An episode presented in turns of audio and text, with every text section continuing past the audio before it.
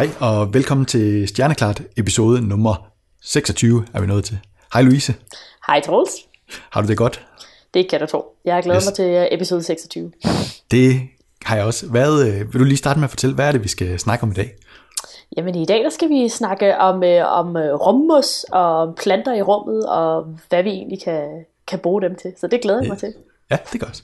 Det, men øh, inden vi når dertil, så skal vi lige høre, hvad, hvad går du og laver? Øh, jamen, jeg arbejder hårdt som sædvanligt på at finde planeter, og jeg har endelig fået øh, øh hvad hedder det, udgivet en af mine, øh, mine videnskabelige artikler, så den lever nu ude i den rigtige verden.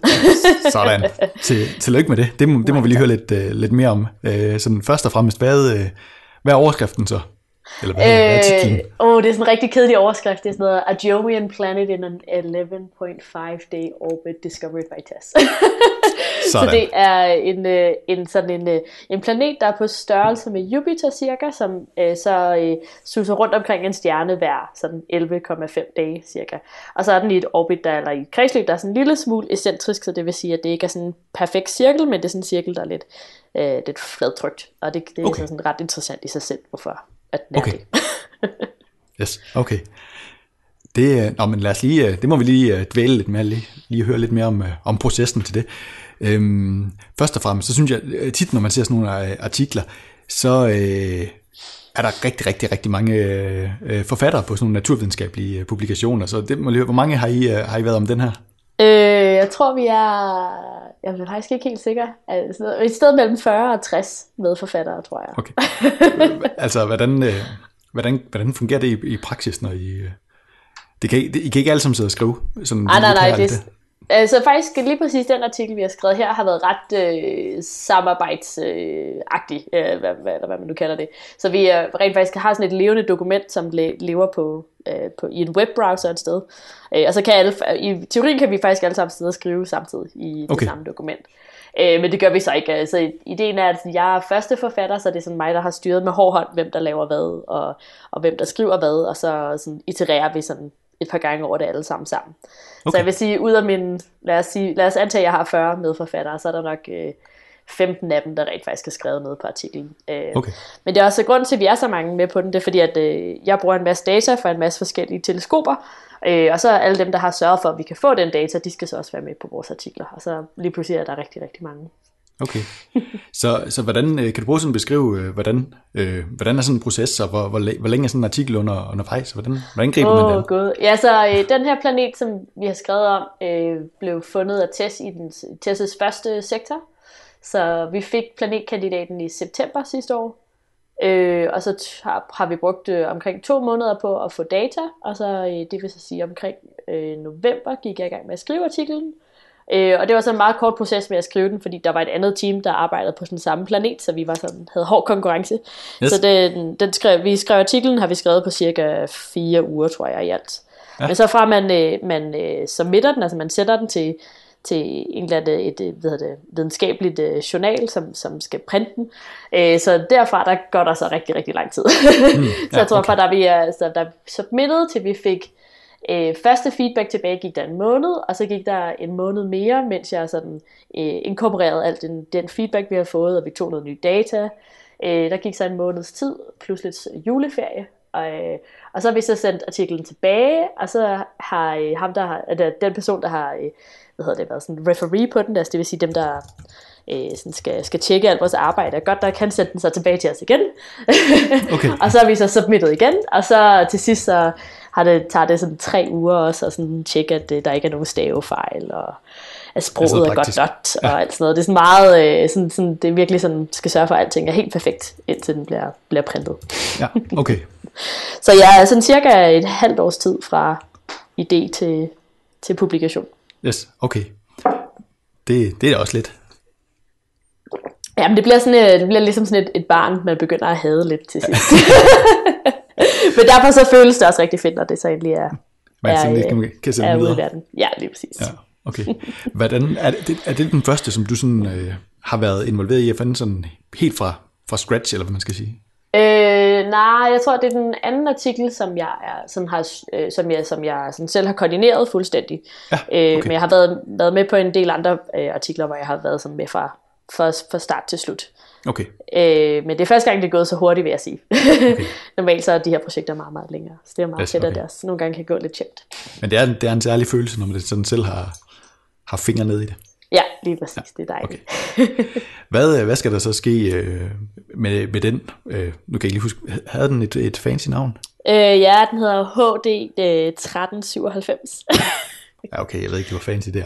øh, hvad, hvad, hvad skal der ske med HD 1397 øh, nu? Skal den undersøges nærmere, eller øh, er I færdige ja, med den? Ja, så, så jeg er færdig med den indtil nu, men så ideen er, at når vi Øh, når vi finder planeter, og så vi publicerer dem og siger, at vi har fundet den her planet, den er meget spændende på grund af det og det, øh, så er der for det meste nogle andre astronomer, som så er interesseret i nogle bestemte aspekter af de her planeter. Så jeg ved, der er nogen, der skal prøve at observere i atmosfæren på planeten, så de kan ja. sige noget om, der er øh, helium til stede og nogle andre, øh, andre stoffer eller andre typer atomer.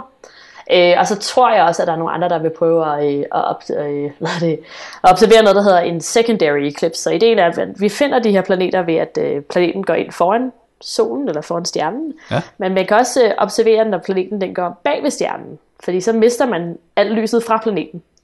Øh, ja. Så det kan, være, det kan være reflekteret lys eller noget andet. Så mm. hvis man sådan virkelig monitorerer det her system meget, meget præcist, så kan man så øh, hvad det, observere den her okkultation når der er planeten går op yes, okay. den stjerne. Og ja. så kan man så sige noget om, hvor varmt det er på overfladen af planeten, og en masse andre spændende ting. Okay, så. spændende. Ja. så nu må, vi må vi se, om, det, om vi kommer til at høre fra HD øh, 1397 igen. ja, okay. Uh, jeg glemte helt, uh, nævnte du, hvor, langt, hvor langt befinder den sig væk? Åh oh, gud, det kan jeg faktisk slet ikke huske. Jeg er en dårlig okay. mor, hvad, hvad kan jeg sige?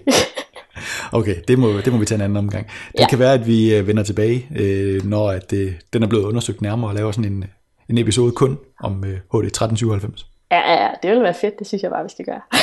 så må I lige sørge for at have lidt mere øh, at bidrage med, ellers så bliver det sådan en kort episode. ja, vi, vi må gøre det lidt mere sexy, hvis det skal være. Yes, det er godt. Jamen altså, øh, den er jo svær at komme efter. Jeg kan ikke, øh, jeg kan ikke rigtig hamle op med det jeg lykkes at få, få min søn øh, udklædt øh, som astronaut til fast lavn. Det er vist øh, sådan det ypperste, jeg kan, kan bidrage med i den retning. Oh, altså, du har jo bare et rigtigt barn, Troels. ja, ja. Nå, det gør, at vi bare skal hoppe videre til nogle, øh, til nogle nyheder. ja. Yes. Jeg øh, vil godt øh, lægge for med en, øh, en lidt trist, øh, eller en meget trist nyhed, vil jeg godt sige, øh, som vi har omtalt øh, sådan et par omgange. Øh, Øh, nu er det nemlig sådan øh, til Sydland helt slut med Opportunity Rover-missionen på Mars, øh, som vi har talt om, jeg tror det var i, måske i sidste afsnit eller forrige afsnit, øh, så har øh, NASA haft øh, forhåbning om, at øh, en af stormene i, her i, i stormsæsonen på, på Mars ville blæ, blæse øh, Mars-død af Opportunities øh, solpaneler, men øh, det er så heldig har vi altså ikke været. Så den 13. februar 2019, efter 5.352 øh, Mars-døgn, der erklærede øh, NASA missionen for slut, så derfor så vil vi godt lige øh, gøre et, øh, en lille status over Opportunities øh, bedrifter. Øh, Opportunity var en del af NASA's øh, Mars Exploration Rover mission, som sammen med sin øh, tvilling rover øh, Spirit blev øh, sendt afsted mod Mars i sommeren 2003. Øh, formålet med missionen det var først og fremmest at undersøge, om der var tegn på vand på Mars, og så at øh, undersøge geologien på Mars. Den 24. januar 2004, der landede Opportunity på Mars, og allerede i øh, landingskrater, der øh, fandt øh, Opportunity et mineral, som typisk bliver dannet i vand. I det her område, der var vandet dog, der har det været sådan surt og salt, så der har været ret dårlige betingelser for, for liv. Senere der fandt Opportunity også tegn på pH-neutralt vand, som har givet bedre betingelser for mikrobiel liv. Undervejs er Opportunity selvfølgelig også øh, løbet ind i nogle øh, problemer, Øh, for eksempel så fra slut april til start øh, juni 2005, der sad øh, Opportunity fast i øh, en sandbanke med flere af dens hjul, som var blevet dækket af sand. Så i løbet af en 6, 6 ugers periode, der lavede man her fra jorden nogle, eller her på jorden nogle simulationer for at undersøge, hvordan man på den bedste måde fik Opportunity fri, uden at sådan risikere, at den sådan fik sat sig endnu mere fast. Ja. Øh, og med bitte, bitte små øh, ryg, og lige så langsomt, så lykkedes det at få få øh, Opportunity manøvreret fri igen. Øh, Opportunity har besøgt øh, over 100 nedslagskrater i alle størrelser øh, på sin øh, vej på Mars. Øh, der har den taget prøver, den har studeret øh, Mars geologi, Øh, så vi har lært en masse om, hvordan, øh, hvordan øh, de her krater de bliver skabt, og hvordan de så senere eroderer. Den 10. juni øh, sidste år, der løb øh, Opportunity så ind i en støvstorm, øh, eller man kan sige løb, at det er måske ikke sådan helt øh, korrekt, fordi så meget fart har der altså ikke været på Opportunity, men øh, der var i hvert fald en støvstorm, der, der kom til Opportunity, som resulterede i, at solpanelerne blev tildækket, og øh, øh, Opportunity mistede muligheden for at kunne øh, lade sine batterier. Så den 10. juni, det blev jo sidste gang, man øh, øh, havde noget kommunikation med, eller fra Opportunity, øh, og den 12. juni, der gik den så i, i dvale. Siden der har man forsøgt at få den genoplevet med mere end øh, 1000 radiosignaler, øh, og man har på, at øh, stormsæsonen på Mars ligesom vil kunne blæse solpanelerne fri for støv, men øh, altså uden held. Så den 13. februar, der øh, blev øh, missionen erklæret for sådan endelig færdig. Øh, men øh, det var egentlig også øh, væsentligt længere, end øh, hvad den var øh, beregnet til. Oprindeligt var den øh, tænkt til at skulle være 90 øh, sols eller marsdøgn, men den anden endte altså med, var de her 5.352 øh, marsdøgn. Det svarer til sådan cirka 15 øh, solår, eller nej, undskyld, jordår, øh, fra øh, landingen i 2004 til missionen blev øh, afsluttet her den 13. februar. Undervejs der nåede øh, Opportunity at sætte øh, rekorden som den rover, der har tilbagelagt øh, den længste distance på et andet himmellag end jorden. Det blev til øh, 45,16 km. Og øh, så har den øh, sendt næsten øh, 230.000 billeder hjem.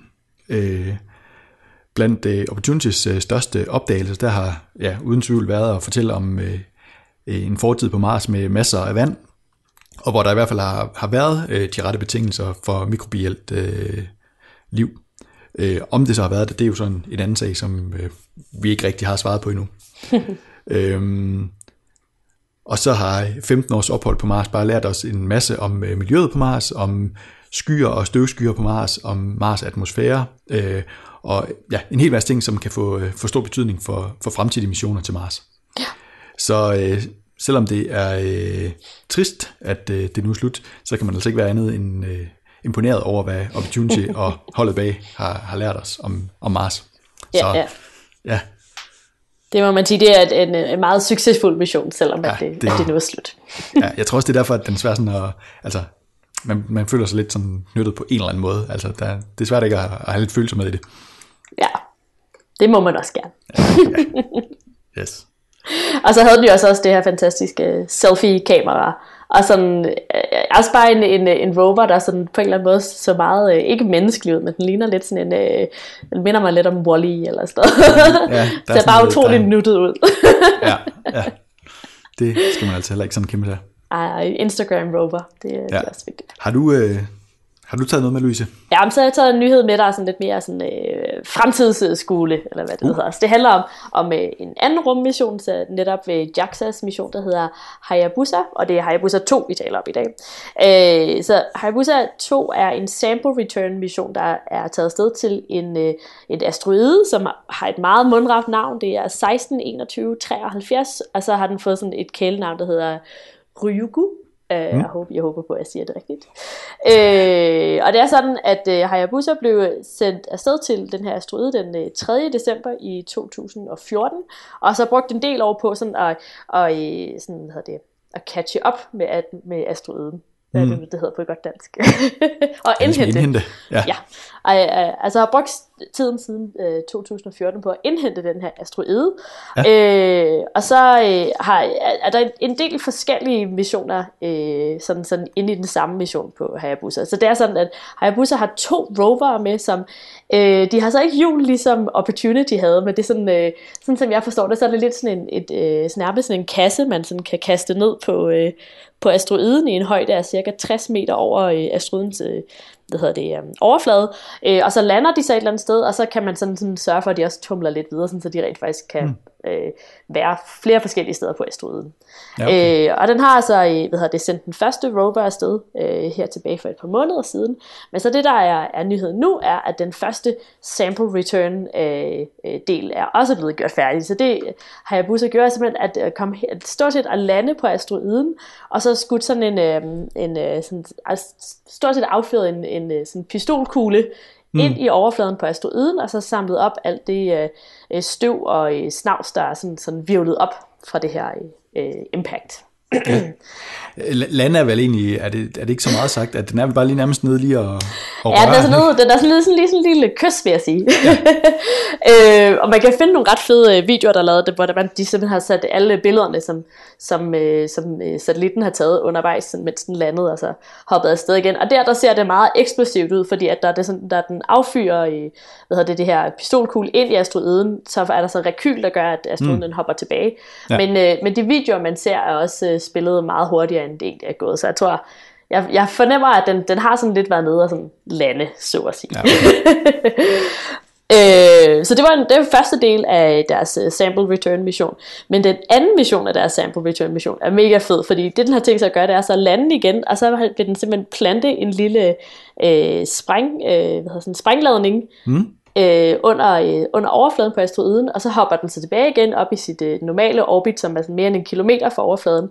Og så øh, vil den her øh, springladning, den vil så gå af, og så lave et lille krater på asteroiden, ja. hvor Hayabusa så vil komme tilbage, og så øh, også tage noget, øh, hvad hedder det, tage noget materiale med derfra. Sådan så man både får noget materiale, der er fra overfladen, som er det, den har fået ja. nu, og så man får noget materiale, som er fra under overfladen, som ikke rigtig har været i kontakt med rumvær og, ja. og stråling og alt sådan noget. Øh, så det lyder ret spændende. Ja. og ideen er så, at i 2020, der kommer Hayabusa tilbage til jorden, og vil så kaste de her, øh, øh, hvad hedder det, øh, de her prøver, som den har taget med fra asteroiden, vil, de så, vil den så sende tilbage ned til jorden hvor den, yes. de kommer til at lande ude i ørkenen i, øh, i Australien i 2020. Ja. uh, altså, jeg vil sige, altså, jo mere jeg læser om den her mission, jo mere finder ud af, at den er fuldstændig sindssyg. Det er mega... Ja, easy peasy.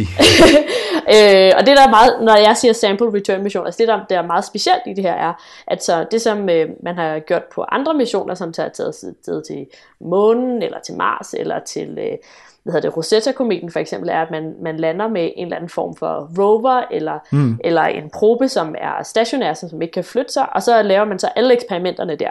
Men det man så prøver på at gøre i tilfældet med Hayabusa 2, er, at, at man, vil have nogle af, man vil have en del af den her strude med hjem til jorden. Ja. Øh, og det er, målet er, at den vil komme hjem med cirka 10 gram materiale i alt. Yes. Øh, så det er jo ikke, det er ikke store mængder, men, øh, men det kan blive meget, øh, et meget unik øh, hvad hedder det, stykke materiale, som yes. forskere så her på jorden virkelig kan kigge på i stor, ja. øh, stor øh, detalje. Ja, det, det, det er godt nok en vild, vild, vild mission. Ja. så det, er, det bliver spændende i, i 2020, hvad, ja. hvad, vi, hvad vi finder ud af der. Og ideen er så, at man vil kigge efter vand og, bi, og biologisk materiale, eller organisk materiale, på, øh, på asteroiden. Fordi ideen er, at asteroider er sådan lidt sådan et, et slags... Øh, øh, så sådan et tidsløst sted, hvor det er, at øh, der ikke har været mennesker og dyr og mm. alle mulige øh, organiske processer til at nedbryde de, de øh, hvad hedder det, byggesten, som, som de er lavet af. Så derfor kan, kan asteroider sige, sige os noget om, hvad øh, jorden er lavet af, og solen er lavet af, dengang der mm. hele, hele øh, solsystemet blev lavet. Så, ja. så det, det bliver rigtig, rigtig spændende. Ja, det er altså en, øh, en souvenir, der er værd at tage med hjem. Det må man sige. Ja, ja jeg må prøve at gøre op, hvad, hvad, hvad, hvor meget sådan, det, sådan 10 gram det kommer til at koste i alt. det tror jeg ikke, man skal... Nej, det er nok også bedst, man ikke ja. kigger på det på den måde. Ja. Yep. Jamen altså, vi er gået fuldstændig i, uh, i missionens uh, mode den her gang, fordi jeg har faktisk også taget en, en, en nyhed mere med, som uh, jeg vil tro, de fleste nok har, har hørt om, og det er, at øh, SpaceX har haft succes med deres øh, Crew Dragon øh, rumskib, som har foretaget den første kommercielle rejse til den internationale rumstation. Crew Dragon den blev sendt afsted på Demo 1 den 2. marts, og den dokkede med rumstationen dagen efter, og så den 8. marts vendte Crew Dragon tilbage til jorden og landede i Atlanterhavet. Den har plads til øh, fire astronauter ombord, og så en last på, øh, på 100 kilo derudover. Og efter planen, så skal to øh, amerikanske astronauter sendes i rummet til juli på, øh, den er så kommet til Demo 2-missionen. Og det er første gang i otte år, at øh, Amerika selv kan sende øh, astronauter i rummet, siden at øh, øh Discovery-rumfærgen blev pensioneret i februar 2011.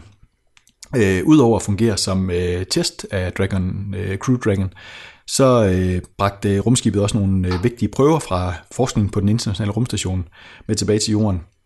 Og øh, det, nu er der sådan noget, der er lidt sjovt, synes jeg, fordi ifølge pressemeddelelsen fra NASA, så drejer det sig om prøver, der kan have betydning for menneskelig udforskning af rummet, eller for, øh, længere væk i rummet, og som kan bruges til udviklingen af teknologier, behandlinger og produkter, som kan forbedre livet her på jorden. Okay. Øh, jeg synes, det lyder meget spændende, øh, men altså pressemeddelelsen, den, kommer ikke sådan nærmere ind på, hvad det er, så det, det må vi vente med at finde ud af. Jeg synes, Ja, det, ja. det, lyder sådan, øh, det lyder, det lyder spændende. Og det, We'll det, det, det, er da tuned. nogle, det er da nogle store, øh, store ord i hvert fald. Det må man sige. Men det er de ja. heller ikke bange for at bruge hos, Nej, nej, øh, det er selvfølgelig rigtigt. Ja, ja vi, vi må vente spændt. Men øh, ja, det er jo i hvert fald øh, spændende, at der er kommet øh, øh, ja, endnu en, en mulighed for at komme frem og tilbage. Ja, Ja. lige præcis. Godt, det gik godt. Jamen, jeg, jeg har taget øh, endnu en asteroide-update med. Yes. så jeg er gået i asteroide-mode den her gang. Yep. Øh, så det, her, det handler selvfølgelig om vores øh, asteroide, vi har fulgt i, et- fulgt i et par udsendelser indtil videre, mm. som er på ESA's Risk øh, List. Så det er igen 2006 QV øh, 89, vi taler om. Øh, og den er simpelthen gået fra at være den, øh, den, den 6. farligste asteroide til at være den 7. farligste asteroide siden sidste gang, vi talte Yes, okay. sammen. Så den er simpelthen blevet overhalet af en, øh, en, et andet objekt, som er en del større end, øh, end øh, 2006 QV89.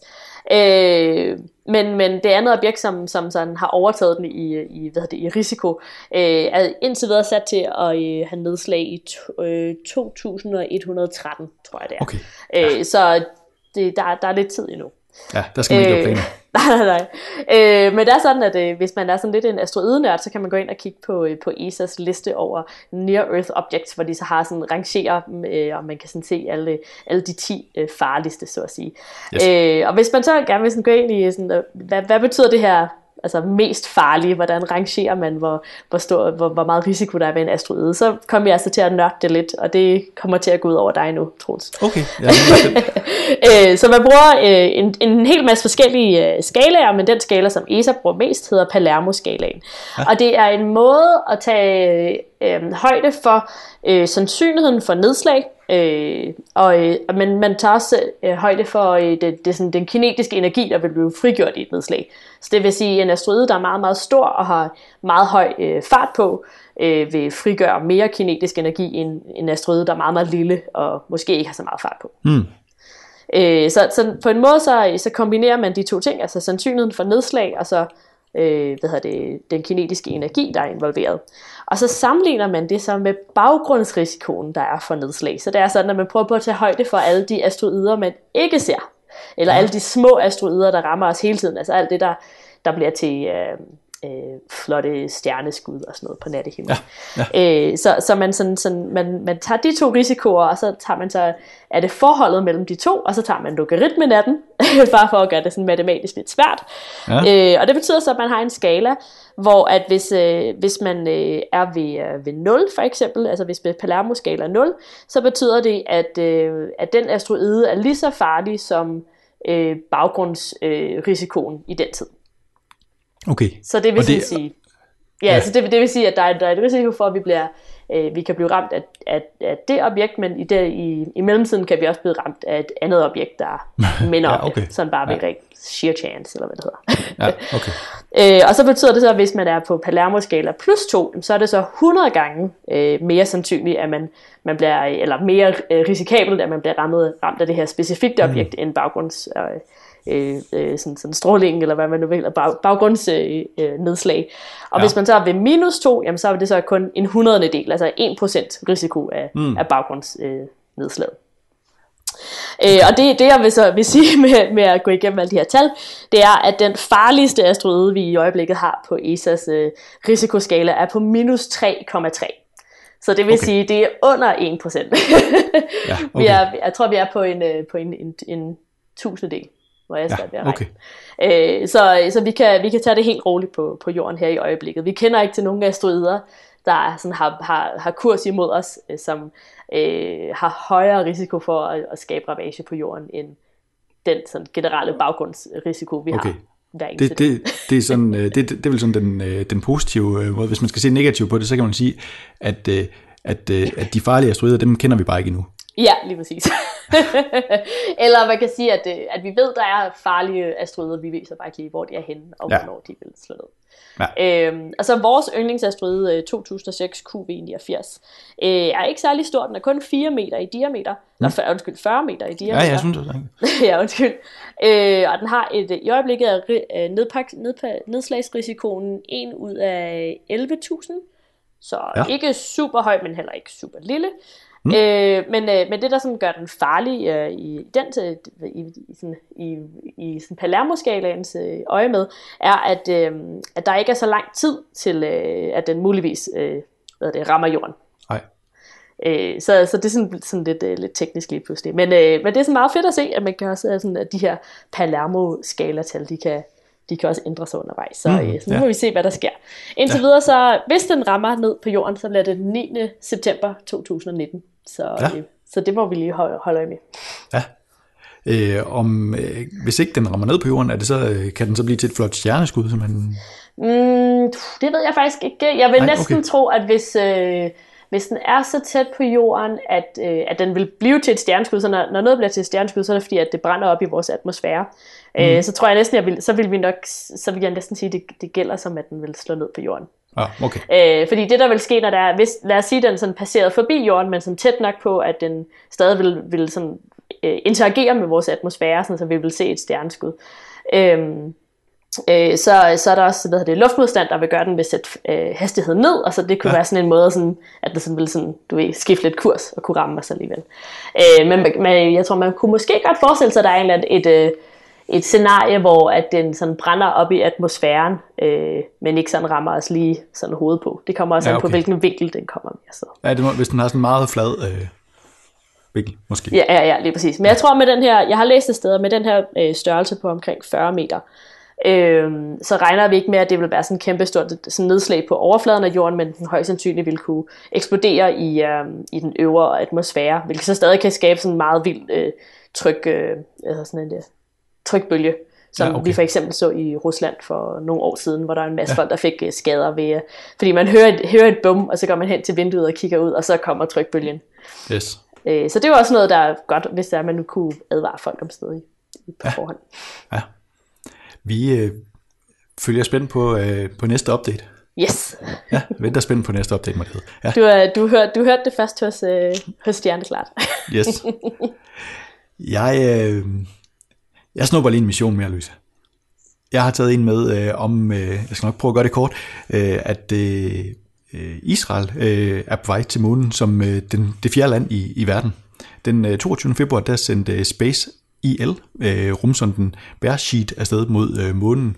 Øh, og det, som der er øh, lidt specielt, det er, at det er den første private øh, non-profit organisation, som er på vej mod månen og efter planen så skal den lande den 11. april 2019.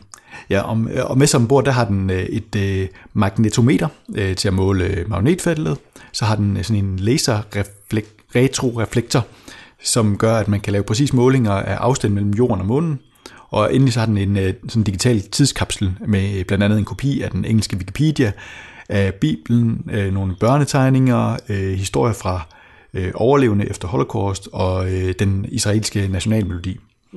Øh, og ligesom sådan en sidenote, så kan jeg lige fortælle, at øh, Bereshit, det er sådan det øh, hebraiske ord for øh, øh Genesis, eller øh, første Mosebog, som øh, øh, ja, der begynder med skabelsesberetning, og øh, Bereshit, det betyder sådan øh, i begyndelsen, og det er jo meget passende, uh. når det sådan er den første øh, ja, øh, mission, som øh, Israel har sendt afsted, synes jeg. Ja, meget, ja, meget, meget poetisk, ja. må man sige. Ja, så det, jeg synes bare, det var meget sjovt, fordi at, øh, der er godt nok der er gang i månen for tiden. Ja, ja, ja, det, ja. Er, det, det, det er sexy i øjeblikket. Det er fedt. Yes. Jeg er spændt på, at vi må snart have den første danske mission til, til, til månen. Ja, vi må se, hvad vi kan gøre. Og så i året ja. for, som er 50 år for den første månelanding. Det, ja, men det kan godt være, det er derfor, det er så, det er så attraktivt.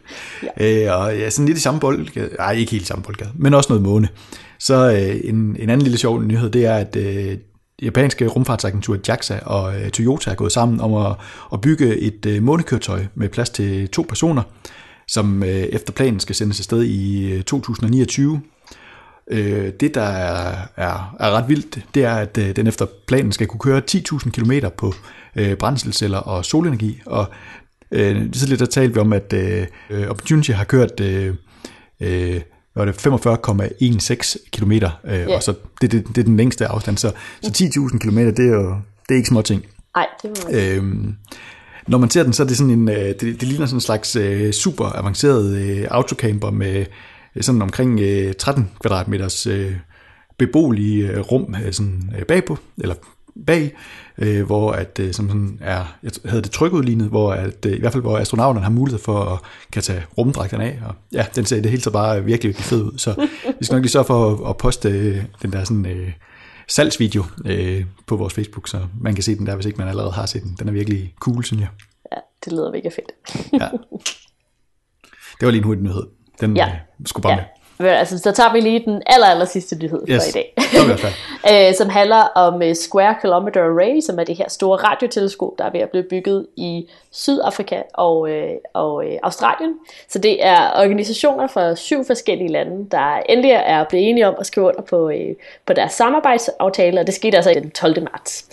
Øh, og ideen bag SKA er, at det er et stort multinationalt samarbejde, som minder lidt om, øh, om CERN, hvor det er, at, øh, at man sådan samarbejder øh, på tværs af øh, kontinenter og, øh, og kulturer om sådan et meget stort videnskabeligt projekt, fordi at enkelte nationer ikke, har, ikke, ikke kan, kan løfte opgaven alene. Mm. Øh, så det er heller ikke helt billigt. Øh, fase 1 af Square koster cirka 5 milliarder danske kroner og involverer ja. øh, over 100.000 antenner, som så skal opføres i Australien og, øh, og i Sydafrika.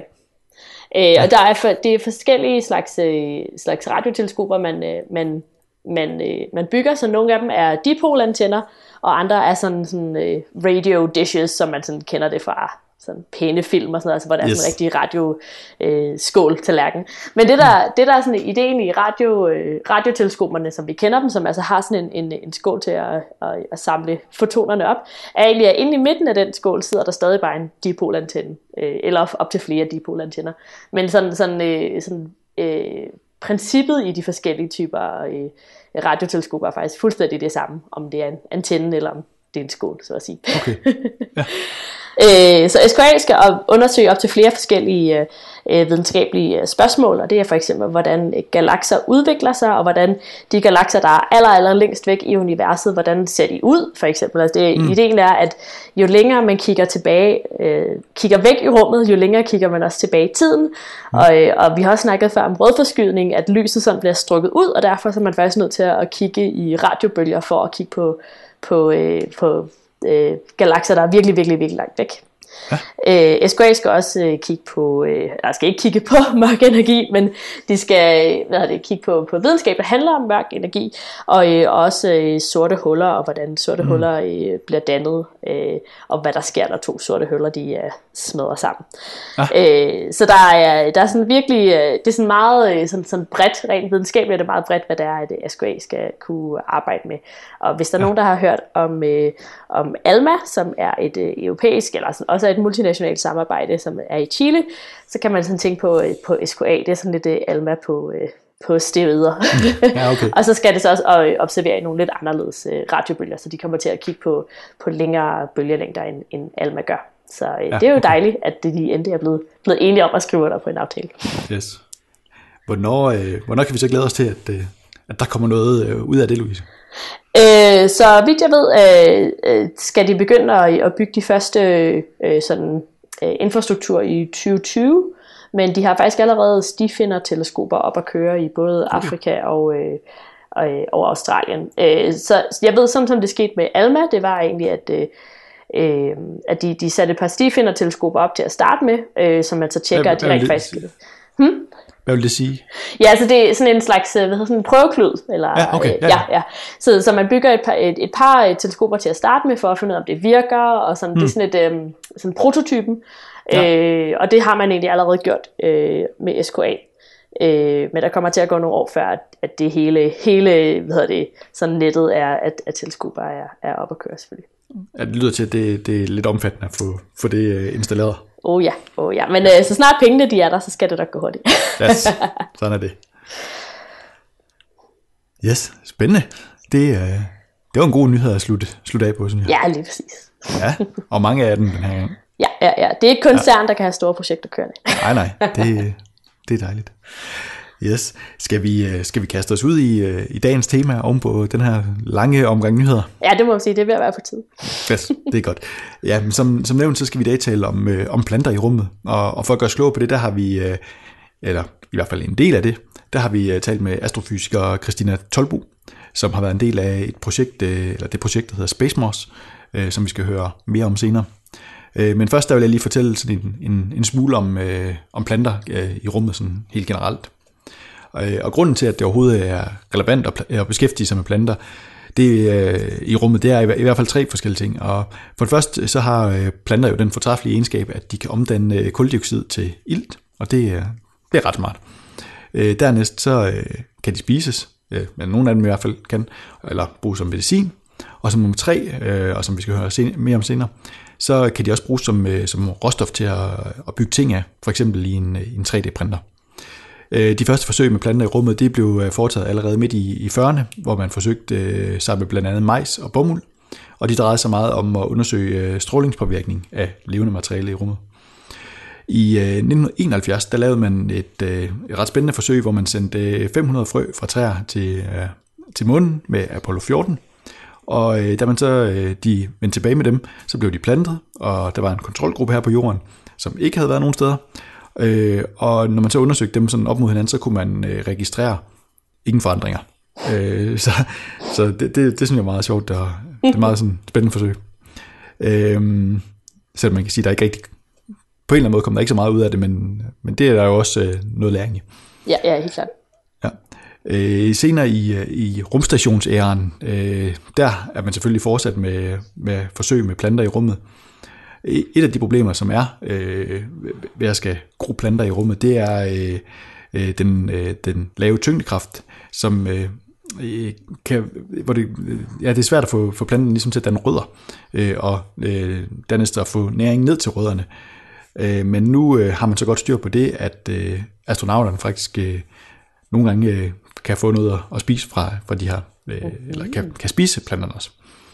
Øh, et af de seneste forsøg med planter i rummet, som øh, har fået ret meget omtale, det er det forsøg, som var øh, ombord på den kinesiske månelander øh, Chang'e 4, øh, som øh, det medbragte i øh, januar øh, 2019. Der havde det en øh, sådan 3 kilos øh, biosfære med, hvor der blandt andet var kartofler og tomater ombord.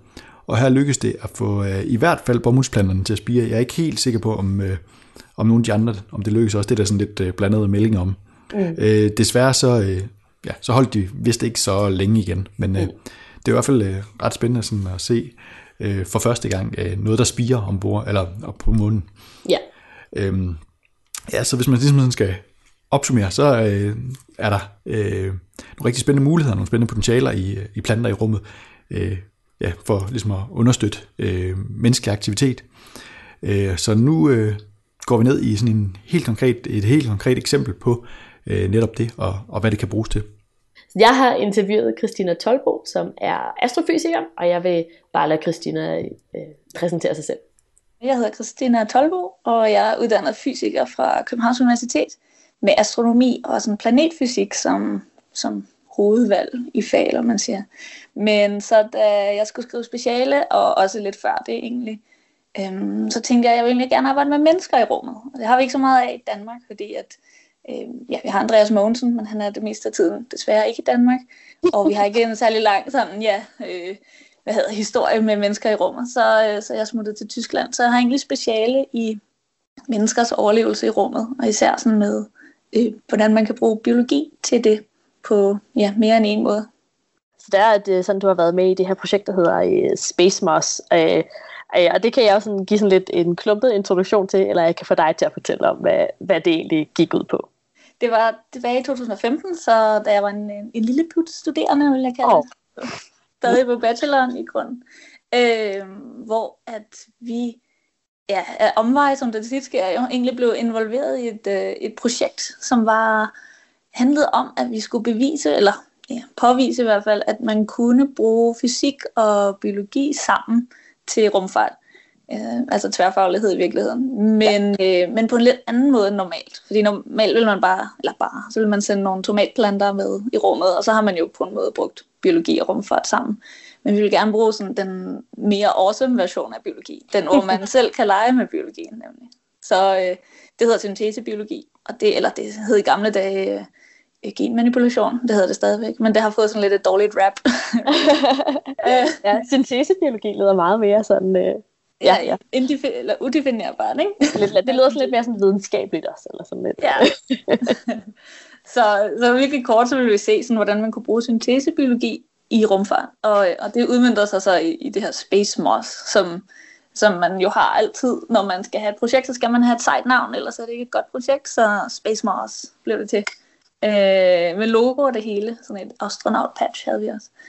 og, øh, og navnet siger egentlig det meste Space og Moss, øh, så det var rummus, så det handlede om at genetisk manipulere eller bruge syntesebiologi i mos til at øh, komme til Mars super cool. Og hvad, hvad er så ideen med at tage, at tage mos med til Mars, hvis der man, øh, det, det lyder ikke som den mest øh, øh sådan brugbare mekanisme. Nej, det kan man nok godt sige. Altså, vi var nok også en lille smule naive i grunden. For vi var øh, et, et hold af studerende på, på ni personer. Øh, og jeg er ikke øh, biolog, biolog, biolog, hedder det. Jeg er ikke biolog, men øh, fysiker. Så egentlig ved jeg rigtig lidt, eller vidste især rigtig lidt om biologi. Og grunden til, at det blev mos, det var fordi, at det var noget, som Planteinstituttet på Københavns Universitet havde sådan en lang årrække erfaring med. Øh, ja, uvist for mig i virkeligheden. Men det, man kan med mos, det var, øh, at man kan bruge det som materiale i sig selv. Så I stedet for at tage det med for at spise det, så kunne man måske bruge det som en eller anden form for øh, coating material, eller altså en, en væg, eller til at putte oven på noget for, for andre effekter. Og mm. der, øh, der tænkte vi, at det kunne måske bruges på den led. Og så var der også et nyopstartet firma, som var involveret i det projekt, vi lavede, som havde fundet ud af, at man måske kunne udvinde medicin i mos på sådan en ny måde, som var altså gavnlig både for, hvordan medicin normalt bliver produceret, øh, så kunne de gøre det på en billigere måde, og hurtigere måde for den sags skyld også. Så det var egentlig sådan, det endte med mos. Men det er måske ikke reelt nødvendigvis den bedste organisme at sende i rummet. Men det kan vi jo komme tilbage til, at der er andre, der er bedre. ja, ja, ja. Så, øh, så ideen er, at i stedet for at man tager alle de byggematerialer, eller medicin, eller mad, eller hvad man nu gerne vil have, i stedet for at tage det hele med til Mars, det var, at man så kan tage noget med, som, sådan, så man selv kan lave det, når man først er der, for eksempel. Og ja, ja, det har jeg faktisk glemt at sige, men altså hele ideen er med at bruge biologi i rumfart, er, at det er alt for tungt, hvis man skal have mad og tøj og toiletpapir og vand og ilt og øh, reservedele og medicin og hvad ved jeg, alt muligt, man skal have med, med til Mars fra starten af. Så hvis man nu kunne gro noget af det, man skulle bruge deroppe, og det behøver ikke nødvendigvis at være altså gro som et plantegro, men det kan også være øh, bakteriegro, eller cyanobakterie, alge, øh, alger eller mos, eller tomatplanter og sådan noget, så kan man gro noget af det, de ressourcer, man har brug for, øh, ligesom vi gør det her på jorden i grund. Ja, ja. Øh, så havde kigget I på nogle bestemte anvendelsesmuligheder øh, af jeres mos, eller var det sådan mere en, en, en overordnet, et overordnet projekt, hvor I kiggede på, om, om det overhovedet kunne lade sig gøre og, og, og lave noget mos, der var brugbart? Øhm, vi vidste faktisk, at det kunne lade sig gøre at, at manipulere med mosset, for det var det, den øh, en virksomhed havde gjort før. Men øh, vi kiggede på nogle bestemte anvendelsesmuligheder, fordi vi ville gerne have det her rumfartskomponent med. Øh, så vi kiggede på, hvad for nogle betingelser er der på Mars, som gør, at biologi har svært ved at overleve på Mars. Og øh, det er blandt andet sådan noget som, at der ikke er nogen beskyttelse mod stråling, så alt, alt på overfladen af Mars vil bare blive, jeg skulle til at sige stegt, men det er jo ikke helt stegt af stråling, bestrålet til døde, så, øh, og frosset til døde, og der er heller ikke nogen øh, synderlig atmosfære, og, og den der er ikke særlig gavnlig, og lyset er sværere, og øh, jorden er muligvis giftig med, med noget kemikalier, som heller ikke er så god for planter, og øh, vi skulle bruge en masse infrastruktur til at sørge for, at de her faktorer ikke slår biologi ihjel. For eksempel hvis man skulle gro øh, planter uden at øh, de skulle dø af kulde, så blev man ligesom nødt til at have dem indenfor, øh, og det ville man også alligevel skulle have, men at varme det her indenfor op. Og det ville jo kræve energi og ressourcer, så vi tænkte, hvad nu hvis vi kunne genetisk manipulere mosset til at klare øh, minusgrader.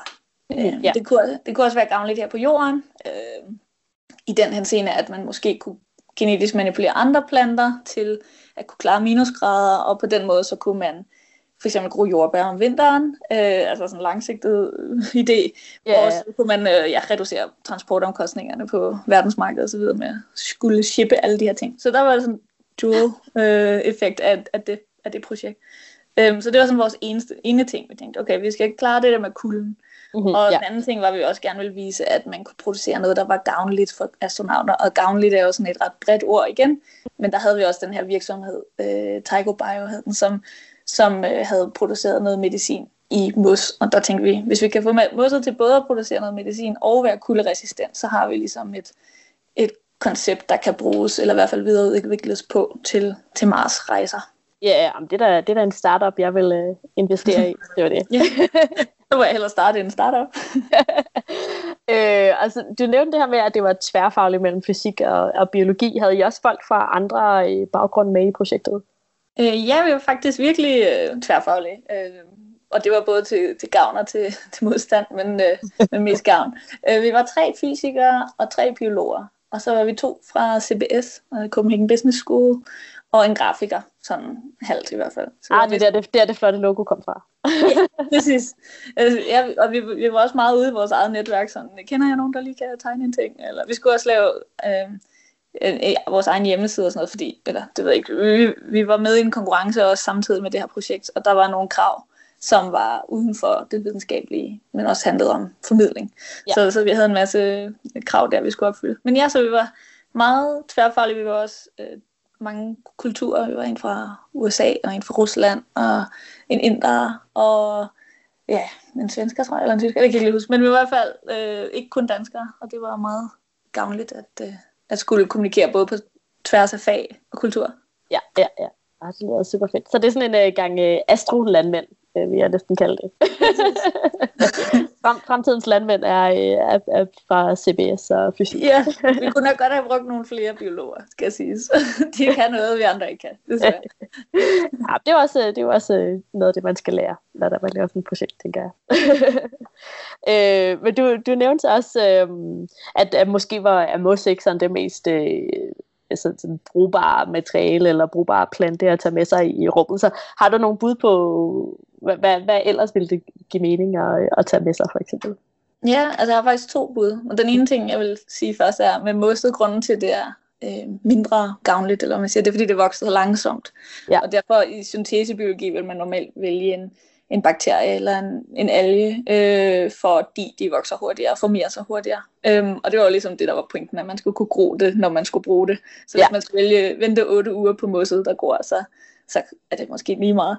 Så øh, to muligheder, man kunne gøre, øh, var ja, enten øh, det, som holdet efter os, fordi igen, det var en konkurrence, vi var del af, og vi, vi tog det videre næste år, hvor de arbejdede med cyanobakterier faktisk. Øh, Øhm, så, så det blev faktisk øh, ja, gjort. Altså, der var nogen, der, der, der kom op med en meget bedre idé, og, og projektet blev videreudviklet. Øh, jeg selv smuttede til Tyskland, som, øh, som sagt i introduktionen, og skrev speciale om øh, astronauters overlevelse i rummet. Mm-hmm. Og, øh, og det specifikt handlede om, hvordan man kunne sende et system med i rummet, der hedder en fotobioreaktor. Mm-hmm. Det lyder meget fancy, men øh, i virkeligheden er det, en, er det også lidt fancy, men en meget high-tech kasse med vand i, som man kan have alger normalt i. Uh, så det var også det, vi havde nede i, i Stuttgart i Tyskland, hvor jeg var. Nogle uh, Chlorella vulgaris alger. Uh, det er dem, man kender fra sin egen sø. De er ret irriterende normalt, fordi de skygger for bunden, og så får man dårlig sømiljø og sådan noget. Men, uh, men de er faktisk spiselige, hvis man behandler dem. Mm-hmm. Så der er jo en ekstra gevinst, som mos også mangler. Altså at man ikke lige frem kan spise mos, øh, i hvert fald heller ikke særlig rart. De her alger, dem kan man spise, og de producerer ilt. Øh, det projekt, der skrev i Tyskland, var ikke noget med syntesebiologi. Det var bare alger, altså rene okay. alger, når man ja. siger. Øhm, så det handlede mere om, hvordan man kunne bygge den her maskine. Øh, mm-hmm. Og mhm. det var også lidt mere til, til mit øh, temperament, fordi det er jo noget tættere på fysik. Men ja. øh, biologi har det med slet ikke at gøre det, man troede det ville gøre, og så forsvinder der bare oxygen og CO2 alle mulige steder i systemet. Man undres over hvor. man putter noget ind, og så kommer der noget andet ud. Øhm, ja. det, det. jeg vil godt forestille mig, at der er mange af de øh, mekanismer, der er lidt mere komplekse, end det, det vi er vant til at arbejde med. Ja, altså det er både spændende og vildt frustrerende. Altså jeg, jeg, jeg kan godt lide systemer, og det, det er lidt irriterende, når de øh, ikke gør det, man troede, de ville gøre. og tænke bare forsvinder. Men yeah. øhm, ja, så det med algerne, det handlede sådan set om sådan noget med at lave computersimuleringer af, hvis man havde det her system med alger, hvor meget vægt ville man så spare i sin opsendelse af en raket til Mars, afhængig af hvor lang en mission man havde til Mars. Ja, ja, ja. Øh, ja så, øh, så det var lidt mere ingeniørfysik, biologi på anden plads af biologi. Ja, men super cool. Hvad, hvor mange, øh, hvor mange øh, spand alger skal man så tage med til Mars, for at det giver mening? ja, men rigtig mange. Det er det. Det er jo sådan, når man tager ned og skriver speciale, så må man gerne vise sin specialevejleder, som også arbejder på projektet, sjov nok, at, øh, at det er en vild god idé, og det sagtens kan lade sig gøre med en lille bitte smule alger, og så lave det hele. Men de forsøg, som jeg havde data fra med i Stuttgart, øh, det havde en, en vækstrate, hedder det, altså hvor hurtigt det her alger gror, øh, mm-hmm. som var ret lav. Eller den var ret gennemsnitlig faktisk, men, men, men øh, den vækstrate, de havde, hvis man skulle bruge den, og man skulle have en boks med til Mars i 500 dage, så skulle man bruge sådan 900 liter vand. så det er ikke godt, eller det er rigtig dårligt. Det kan slet ikke betale sig, basically, øh, hvis, man, hvis man skal gøre det. Så, øh, så det, det jo egentlig også handlede om, var, hvad er det højeste, hvad er den højeste vækstrate, man kan få, og hvad for et system skal man bygge for at få en, en stabil, høj vækstrate af de her alger. Mm-hmm. Så det er det, de egentlig forsker i dernede. Og så, ja. øh, hvis man kommer op på, så de havde en på 0,4 gram per liter per dag, Øh, hvis man kommer op på 2 gram per liter per dag, altså en firedobling, mm-hmm. så, så begyndte det at være lige godt med de systemer, man havde nu. Mm-hmm. Men så skal man selvfølgelig ind i sådan noget med, kan man garantere en, en vækstrate, der er stabil på det niveau i lang tid, altså i 500 dage træk, og det er så et andet problem. Men hvis man kunne komme op på 4 gram per liter per dag, hvilket nogen har gjort, bare ikke i lang tid nok, men, og fordi det kræver for meget energi at holde det så rent, at det ikke mm-hmm. går i stykker, øh, så, så kunne det godt betale sig. Så, så det er ikke sådan, det kan overhovedet ikke betale sig. Vi skal bare finde ud af, hvordan vi bygger en fotobioreaktor, som er øh, stabil og, og lille nok. Ja, ja, ja, ja. ja. Super cool. Så det er sådan en, øh, det er både noget med at bygge en, en reaktor, der er god nok, og så fylde med nogle superalger. ja, præcis. Så faktisk, hvis man skulle gå tage det her projekt helt videre, så burde nogen genetisk manipulere nogle alger til at være en fotobioreaktor, så vil ja. vi kombinere mine to projekter. Det er et spændende krydsfelt, vi har her. så hvis der er nogen, der skal skrive specialregner, ja, men det, det, det, det bare smide ud af, hvis der er nogle biologistuderende, der sidder og det, ja. det krasser i, i fingrene. det kunne i hvert fald være et sejt projekt. Ellers så øh, den her konkurrence, vi var med i, den vil sikkert også øh, synes, det var ret sejt egentlig. IGEM-konkurrencen hed den. Så øh, øh, kører SpaceMOS, er der stadig nogen, der arbejder på SpaceMOS-projektet i dag, eller er det, er det sådan helt lagt, øh, ikke lagt i grav, men sådan, der er blevet bundet en, en pæn sløjfe på? Eller? Ja, altså på en måde på en måde ikke. Så, så SpaceMOS var, øh, vi brugte, vi, vi brugte, det var vores fritid, vi brugte øh, tid på det som studerende, så jeg tror, vi brugte 8 måneder, og så skulle vi øh, til Boston til, ja, det er MIT, der har startet konkurrencen, så det er over i Boston, den afholdes, og præsentere det. Og efter det, så, så kan man måske godt sige, at luften var gået ud af ballonen på den måde, altså fordi så havde vi brugt al vores øh, overskydende tid på at lave det her projekt. Ja, yeah, I har også, også alle mulige andre ting, man, man skulle ja, lave. Præcis. lave. lave bachelor, ja. Så, så det vi egentlig hellere altså, ville var, at det gik rigtig godt til den her konkurrence, så vi havde ligesom fået overvist Københavns Universitet og dem, der stod bag konkurrencen i Danmark, om at det var værd at fortsætte med, og, og havde fået, altså ikke super meget star status, men en lille smule, sådan, så der måske var nogen, der ville køre videre med konkurrencen. Mm-hmm. Øhm, og det var der så nogen, der hed, de lavede et hold, der hed Cosmo Crops, øh, som vi superviserede, og som havde en meget bedre idé end os. Øh, men det var samme tematik, altså biologi og rumfart, og også Mars igen. Og, øh, og det har egentlig været sådan en, en um, uofficiel hmm, tematik, som der har kørt sidenhen. Der er nogle af de, øh, de hedder IGEM-hold her, de IGEM-hold har, må selv vælge, hvad de vil lave projekt mm. om. Og der er et af dem, så vidt jeg ved, som valgte noget helt, øh, øh noget helt biologi relateret, som man faktisk ikke helt øh, ved, hvad var det handlede om. Øh, men, men de andre hold har sådan set øh, kørt på, på samme tema, og har videreudviklet på baggrund af de hold, der har været før. Så ja, ja, så sådan, det, det er ikke sådan en uh, genfødsel hvert år, det er mere sådan en, uh, sådan en, uh, en iteration over ja. tidligere generationer. Så. Præcis, så kan man sige til det næste hold, lad være at bruge mos.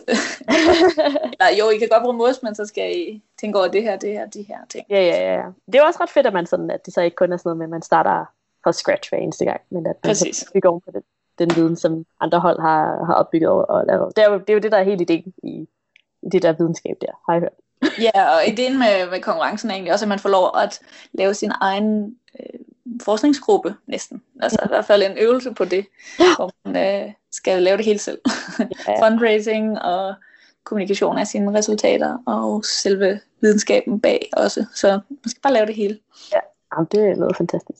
Ja. Og hvis der, hvis der er nogen, der sidder og lytter og gerne vil høre mere om alt det her, så øh, iGEM, det er et lille i, og så GEM, øh, stor GEM, øh, og der er alle, hvis man, hvis man søger på det øh, efterfulgt af Copenhagen eller København, så kan man finde en masse ting øh, online. Eller Cosmo Crop, som du også øh, nævnte, Christina, har, har jeg i hvert fald også set være aktiv på Facebook, selvom det er nok ved at være et stykke tid siden, at, det, at de rent faktisk lavede noget. Og så kan man selvfølgelig google Space Moss, øh, og så kan man finde øh, meget mere om, om, om jeres projekt, Christina. Præcis. Jeg gerne vil have en lidt mere sådan uh, doomsday-agtig artikel, så kan man også google Mos og Mars, eller Mos på Mars, og så får man en ekstra bladets artikel, som, uh, som maler fanden lidt på væggen, vil jeg sige, fra, net, fra, der, fra 2015. Men det er meget sjovt at læse, jo. Så. Super fedt, Jamen, det vil jeg anbefale. Mos på Mars. Det er, det er også et godt om mundret. Mos på Mars. Altså, så det, jeg... det eneste problem med det er, at folk tror, der står mus, mus på Mars. Åh oh, ja, gud, ja, det er da rigtigt. Nej, men så, så må man bare øh, indprinte det i folks øh, hjerner nok. Tusind tak til Christina, for hun gerne vil uh, snakke med os. Uh, ja. Og hvis der er nogen af dem, der, der sidder og lytter med, som gerne vil vide mere om, om Space Moss, uh, så, så synes jeg bare, at man skal prøve at, uh, at give det en Google-tur. yes. De har en meget fed, en meget fed uh, Facebook-side selvom hun måske ikke er så, øh, så aktiv mere. Øh, men jeg må virkelig sige, altså det her med at snakke med Christina og høre om, om de projekter, hun har været i gang med, så har jeg fundet ud af, at der er virkelig, øh, altså, jeg ved ikke om det er en stor industri, men der er utrolig mange projekter ude i verden, som arbejder sådan meget målrettet med, med planter i rummet. Øh, ja. og, og det, er sådan, det, der overraskede mig, var netop, at øh, ligesom du, du nævnte i din introduktion, Troels, at øh, altså når jeg tænker på sådan planter i rummet, så tror jeg meget, jeg tænker på sådan 1940'erne, hvor, jeg, hvor det er sådan noget med, sådan, jeg bo, gro, øh, gro majs i rummet, eller sådan noget, eller sådan, ja. og, og gro planter til mad, eller, eller også, jeg tror, jeg har også engang fået at vide noget med, at der er sådan en sådan menneskelig terapi, eller sådan, det er sundt for os at, at have med planter at gøre, så det er sådan ja. en måde, man kan lave de her langtidsrejser i rummet, så overbærlige. Øh, men den her øh, vinkel med at tænke på planter i rummet som sådan alger og altså sådan så set mm. biobatteri, ikke? eller ja. eller mos, som, som på en eller anden måde kan, kan gro noget materiale, man kan bygge ting ud af. Eller sådan. Det synes jeg er, er øh, altså det, er sådan virke, det virker, føles virkelig som om, at fremtiden det der her. ja, det giver nogle helt andre perspektiver på det på en eller anden måde. Ja, lige præcis. Ja. Så, så det var super spændende ja. at høre om i hvert fald. Ja, og så er vi jo så blevet så, øh, så meget klogere på, øh, på, hvad vi kan sende ud i rummet, og, og hvad vi skal tage med os i rummet, når vi engang skal, skal til Mars. Ja. Og så synes jeg da bare, at man, øh, man skal kigge op og kigge på Mars den her måned. Selvfølgelig. øh, så Mars er, på, er ret højt på himlen, er sådan, så den står til mod zenit øh, under, øh, til solnedgang her i øh, marts, og, øh, og så går den så ned i vest, sådan omkring klokken 11 om aftenen. Så det er en god planet at at kigge på, hvis man ikke er sådan super morgenmenneske, så altså ja. sådan en, lidt ligesom mig. ja. øh, og i øjeblikket så står den sådan ret smukt på linje med, øh, med øh, Aldebaran og Betelgeuse, som er to øh, sådan ret røde stjerner, vi har på himlen. Så, så de to stjerner laver sig sammen med Mars en ret smuk øh, sådan linje hen mod vest mm. øh, ved solnedgang, så det kan man jo prøve at gå ud og at kigge på. Og det er så meget smukt, fordi alle, øh, begge, alle tre øh, objekter er sådan ret, øh, har sådan en rødlig skær i sig. Så ja. forhåbentlig kan man, kan man genkende dem på den måde. Øh, og så for alle dem, der er morgenmennesker, der kan man øh, se Jupiter og Saturn og Venus ved solopgang. Og der skal man så kigge mod øh, sydøst der ved, ja, hvornår solen den nu står op i øjeblikket. ja. Godt med planeter. Ja, lige præcis. Øh, og der er sådan... Øh, her i slutningen af marts er der nogle lidt sjove øh, ting, man kan se øh, i forhold til månen. Det er sådan, at øh, Jupiter kommer til at være meget, meget tæt på månen den 26. marts. Og mm. den 28. marts kommer Saturn så til at være meget, meget tæt på månen. Og det sker så også ved, ved, øh, ved solopgang om, om morgenen. Okay. Ja, det må man ud at se. Yes. Ja. Jeg har lige taget en lille ting med. Også der skal man øh, ikke gå udenfor, men man skal tage en tur i, i biografen. Det er øh, under CPH Docs, øh, har man mulighed for at se øh, den film, der hedder 16 Sunrises, om den franske astronaut Thomas Pesquet, tror jeg han hedder. Ja. Ja. Han, hans øh, seks måneders øh, mission til den internationale rumstation, og øh, sådan i det hele taget om livet ombord på den internationale rumstation. Og øh, filmens øh, titel, den kommer fra det faktum, at man øh, ombord på den internationale rumstation oplever 16 solopgange i løbet af 24 timer. Den bliver vist den 21. 3., den 24. 3. og den 29. 3. Og øh, til den visning, der er den 21. 3., der er der mulighed for at møde øh, Andreas Mogensen. Så øh, hvis man har mulighed for at være med der, så synes jeg, man skal tage ind og gøre det. Ja, det var alt vi havde for, for den her gang. Øh, tak for i dag, Louise. Tak for i dag, Troels.